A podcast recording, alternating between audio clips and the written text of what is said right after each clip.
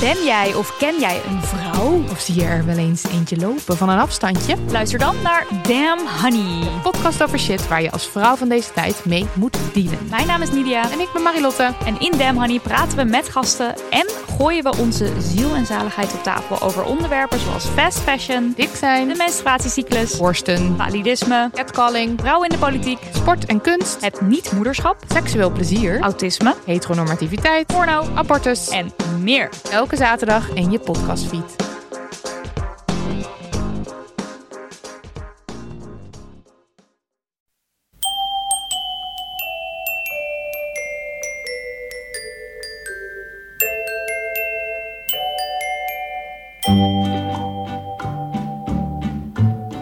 Bij aflevering 306 van Echt Gebeurd, de podcast waarin mensen hun eigen waargebeurde verhalen vertellen. Maar waarin ook zo nu en dan iemand voorleest uit het dagboek dat hij of zij bijhield als puber. In deze aflevering het puberdagboek van Arjen Lubach, voorgelezen tijdens een Echt Gebeurd middag in 2010.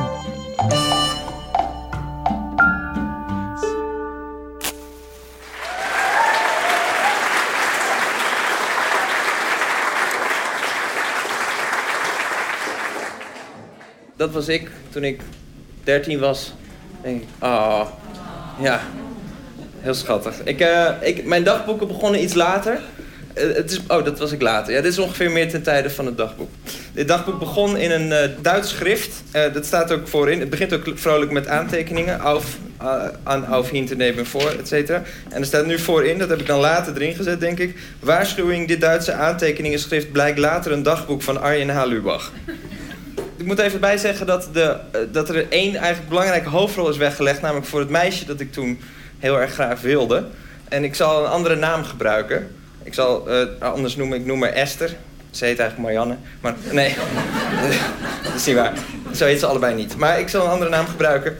Eh, en het begon eh, toen ik 16 was. En ik, het, het, eigenlijk is de eerste pagina, maar daar moet ik wel mee beginnen. Maar die is eigenlijk gelijk het gênantst. Dus misschien wordt het daarna nog, nog wel leuker. Maar die, ik moet beginnen bij het begin. En eh, dat was dinsdag 14 oktober. Kijk eens aan. Nog acht dagen voor mijn verjaardag.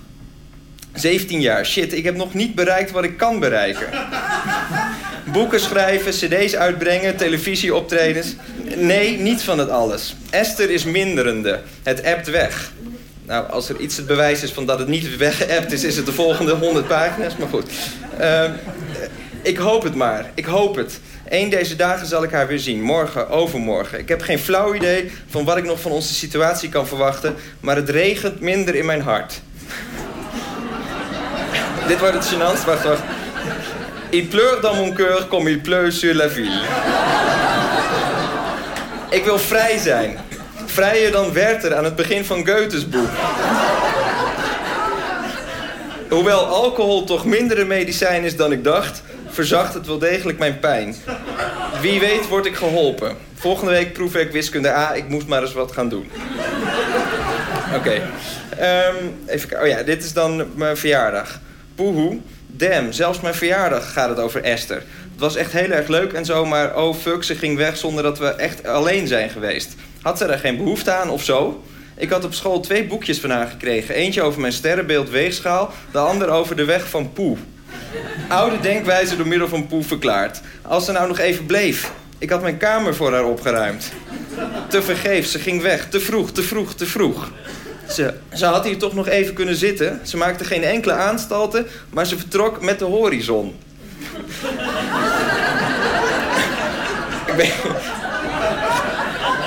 Gisteren had ze het over een cadeau waarvan ze zelf niet wist of ze het wel wilde. Huh? Geen van die twee wijst daarop. Wat had ze gisteren in petto, wat vandaag weer was verdwenen? Had ze me willen zoenen? Ik haar wel natuurlijk. Stomme eikel, wees reëel, Esther is geschiedenis gaan we een stukje doorbladeren. Nou, ze bleek niet geschiedenis. Op een gegeven moment had ik het idee dat het toch maar handig was om, uh, om het contact te verbreken. Dat dacht ik ongeveer één keer per maand. Maar we zaten bij elkaar in de klas, dus ja, dat gaat gewoon niet.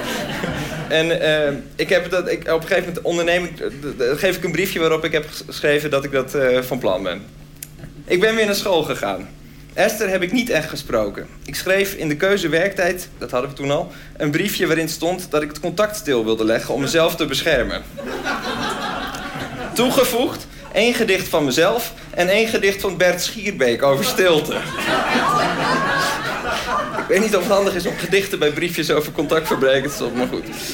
Tja, dat is het nu wel stil. Het is zo stil. Nou goed, dan gaat het door. Ehm, en dan, het, het, het, grappige is dat het drag, dan denk je dus, oh, ze hebben het contact verbroken, dus die spreken elkaar een paar maanden niet. Maar dit is een dag later. Wederom naar school geweest. Esther vroeg me hoe, hoe ik onze contactstilte zag. Ik zei haar hoe ik dat zag. Geen contact. Morgen zit ik naast haar bij geschiedenis. Ik hoop dat het werkt. Want deze situatie zuigt. Oké. Hmm. Toen ga ik op een gegeven moment ga ik naar Amsterdam. En dan... Oh ja, dit, nou, dit is gewoon een heel pathetisch stukje, maar jullie vinden het vast heel grappig. Uh, Esther was vandaag niet op school, dus daar heb ik weinig last van gehad. Wel, wel ben ik naar de Tokyo String Quartet geweest. Dat was mooi, maar Esther was er ook. Vervelend. Ik maakte een blunder door te zeggen... bedankt voor het biertje, Esther, terwijl John hem had gegeven. Zo zie je maar weer... waar het hoofd vol van is, stroomt de mond van over. Vreselijk. Die schijnheilige Engelsman, dat was een vriend van mij... hield mooi wel Esther's hand vast onder het concert. Bah. Ik hou dit wel vol, anders gaat het fout. Esther en ik kunnen nu eenmaal geen contact hebben. Ik denk gewoon aan hoe ze heeft lopen zoenen met die gozer in Amsterdam. Dan gaat het wel goed. Ik kwam zelf uit Groningen, dus dat was heel ver. Vooral gozers uit Amsterdam, dat was vreselijk. Um, ze was wel mooi vanavond. Bah, frustrerend. Ik heb bij John thuis, dat was een leraar... nog een biertje en wijn gedronken. Bij een leraar notabene. Hij vertelde me best veel over zijn scheiding... hoe hij verliefd was geweest op een leerlinge. Erg apart om met zo iemand van 37 te praten.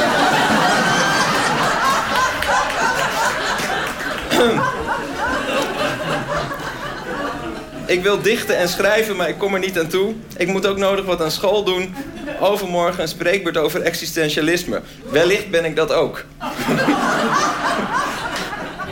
nou, dan heb ik de spreekbeurt gedaan. Uh, ha, een acht op mijn spreekbeurt. Erg netjes. Esther was ook komen kijken en ze stelde nog een vraag. Hoe kun je wel de betrekkingen tussen individuen erkennen, maar niet het grote groepsverband? Waarop ik dan hier heel boos opmerk, omdat het daarom individuen zijn. ik snap er niks van. Blijkbaar was dat heel dom van haar om dat te vragen. Uh, ik kreeg van haar nog een schouderkneep en een complimentje. Tja, daar moet ik niet zoveel mee. Oké. Nou, um, dit, is, dit het gaat over... Oh, dit was best wel zwaarmoedig. Wat ik vandaag gedaan heb... Ik ben naar een toneelstuk geweest in de Schouwburg in Groningen. Hoezo? Esther kwam vandaag naar me toe en ze zei... ik moet je wat zeggen terwijl ik eigenlijk niet met je mag praten. Ik antwoordde dat, als ze, dat ze haar mond moest houden. Als grap!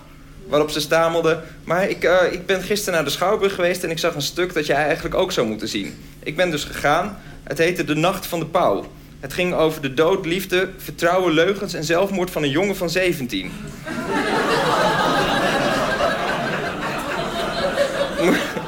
Moest ik hem daarom zien? Omdat ik daar ook wel eens iets over gezegd heb? Of omdat we samen gesprekken hebben over dat soort dingen? En dat dat dus de band tussen ons weergeeft. Ik hoop het tweede. Of liever gezegd, ik hoop voor mijn vader het tweede. Want hij is meegegaan en hij weet niets af van mijn morbide gedachten. Goed, ik weet nog niet uh, hoe en of ik morgen tegen Esther zeg dat ik ben gegaan. Ik geef haar waarschijnlijk een klein briefje met... ik heb de nacht van de pauw gezien erop. Ik ben benieuwd hoe ze reageert. Uh, verder heb ik onder KWT een aardig gedicht geschreven... waar deze ruimte hieronder voor bestemd is. Maar dat ga ik niet voorlezen. um, Oké, en dan ben ik... Ik ben dus 16 of inmiddels net 17. En dan ga ik... En dan ben ik gefascineerd door autorijden. Dus dan ga ik altijd stiekem autorijden. Ha, inderdaad. Blond haar. Blijkbaar heb ik mijn haar geblondeerd toen... Nou ja. Het is wel spijtig dat wanneer ik ergens voor sta, dat blonde haar dus, mijn ouders dit afkraken zodra ik mijn ouderlijk huis terugzie. Maar ja, hey, vandaag heb ik voor het eerst auto gereden. Met de auto van Ingrid ben ik een blokje omgereden. En later nog proberen te rijden in de auto van Hoytes moeder. Dat lukte niet zo goed, want het was geen automaat en hij sloeg telkens af als ik de koppeling op liet komen. Erg leuk wel. Oké, nou. En het, uh, dit is wel grappig, want om, uh, onder, onderaan dit stukje blijkt het eindelijk door te dingen dat, dat Esther toch niet zo heel bijzonder is. Maar het staat dan in schril contrast met die grote letters die erop volgen van de dag later. Dus dat zal ik even achter elkaar voorlezen. Het einde van dit stukje is... Hoewel ik wel begin te beseffen dat ze eigenlijk ook maar gewoon een meisje is. En dan hier, kutte de kutte de kutte de kut. Ja, scheid wat voor datum het is, twee dagen na de vorige. Ah, hoe kan ik je haten en tegelijkertijd van je houden? Oh, mijn alles, waarom was je vanavond ook op dat gore teringpokken kutfeest? Zonder wat te zeggen speelde je de godganse dag voor mijn steeds zatter wordende hoofd. Ik heb geen stem meer, omdat die heb ik naar de kloten geschreeuwd. Kutte de kut, niet dat er iets gebeurd is, maar kut, fuck, waarom ben je... Waarom heb ik me zo klote druk om je gemaakt? Lebberteef.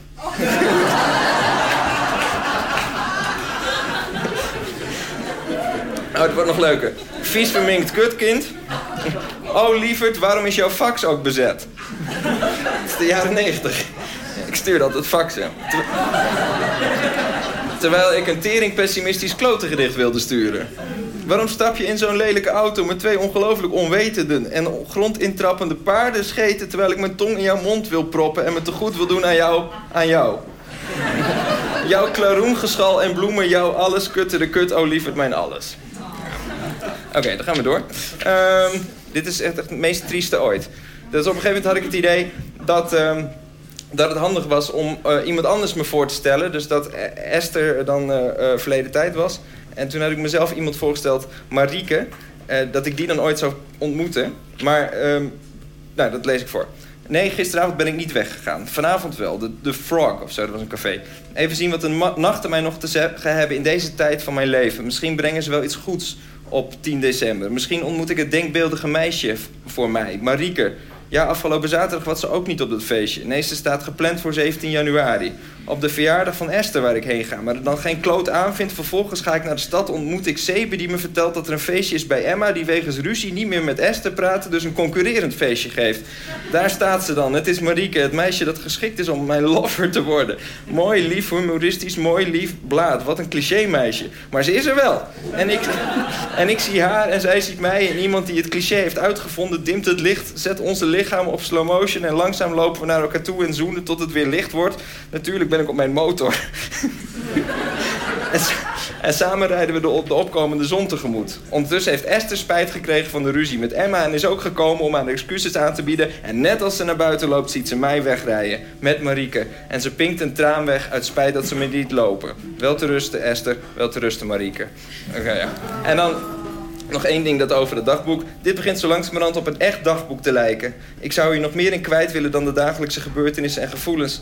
Het zou een dagboek moeten zijn dat ooit gepubliceerd zou kunnen worden.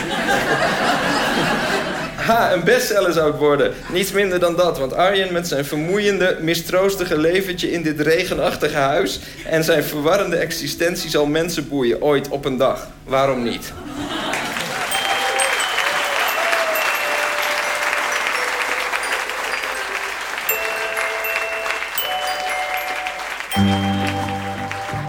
Dat was Arjen Lubach, die in november 2010 alweer bij ons in Comedy Club Toemler voorlas uit zijn puberdagboek uit de jaren 90.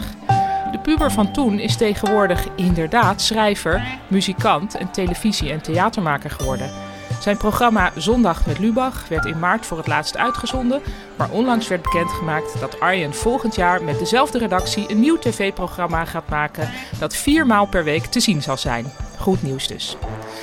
Onze eigen redactie bestaat uit Micha Wertheim, Rosa van Toledo, Maarten Westerveen en mijzelf, Paulien Cornelissen. De productie doet Eva Zwaving, opname werd gemaakt door Nicolas Vrijman en de podcast wordt verzorgd door Gijsbert van der Wal. Wie nog een vaderdag cadeau zoekt, bevelen wij natuurlijk Echt Gebeurd op Papier aan. Ons boek in drie delen met in totaal 72 verhalen uit het rijke Echt Gebeurd archief. Dit was aflevering 306. Bedankt voor het luisteren en onthoud... Verdwijn niet met de horizon, maar wees vrijer dan Werther aan het begin van Goethes boek.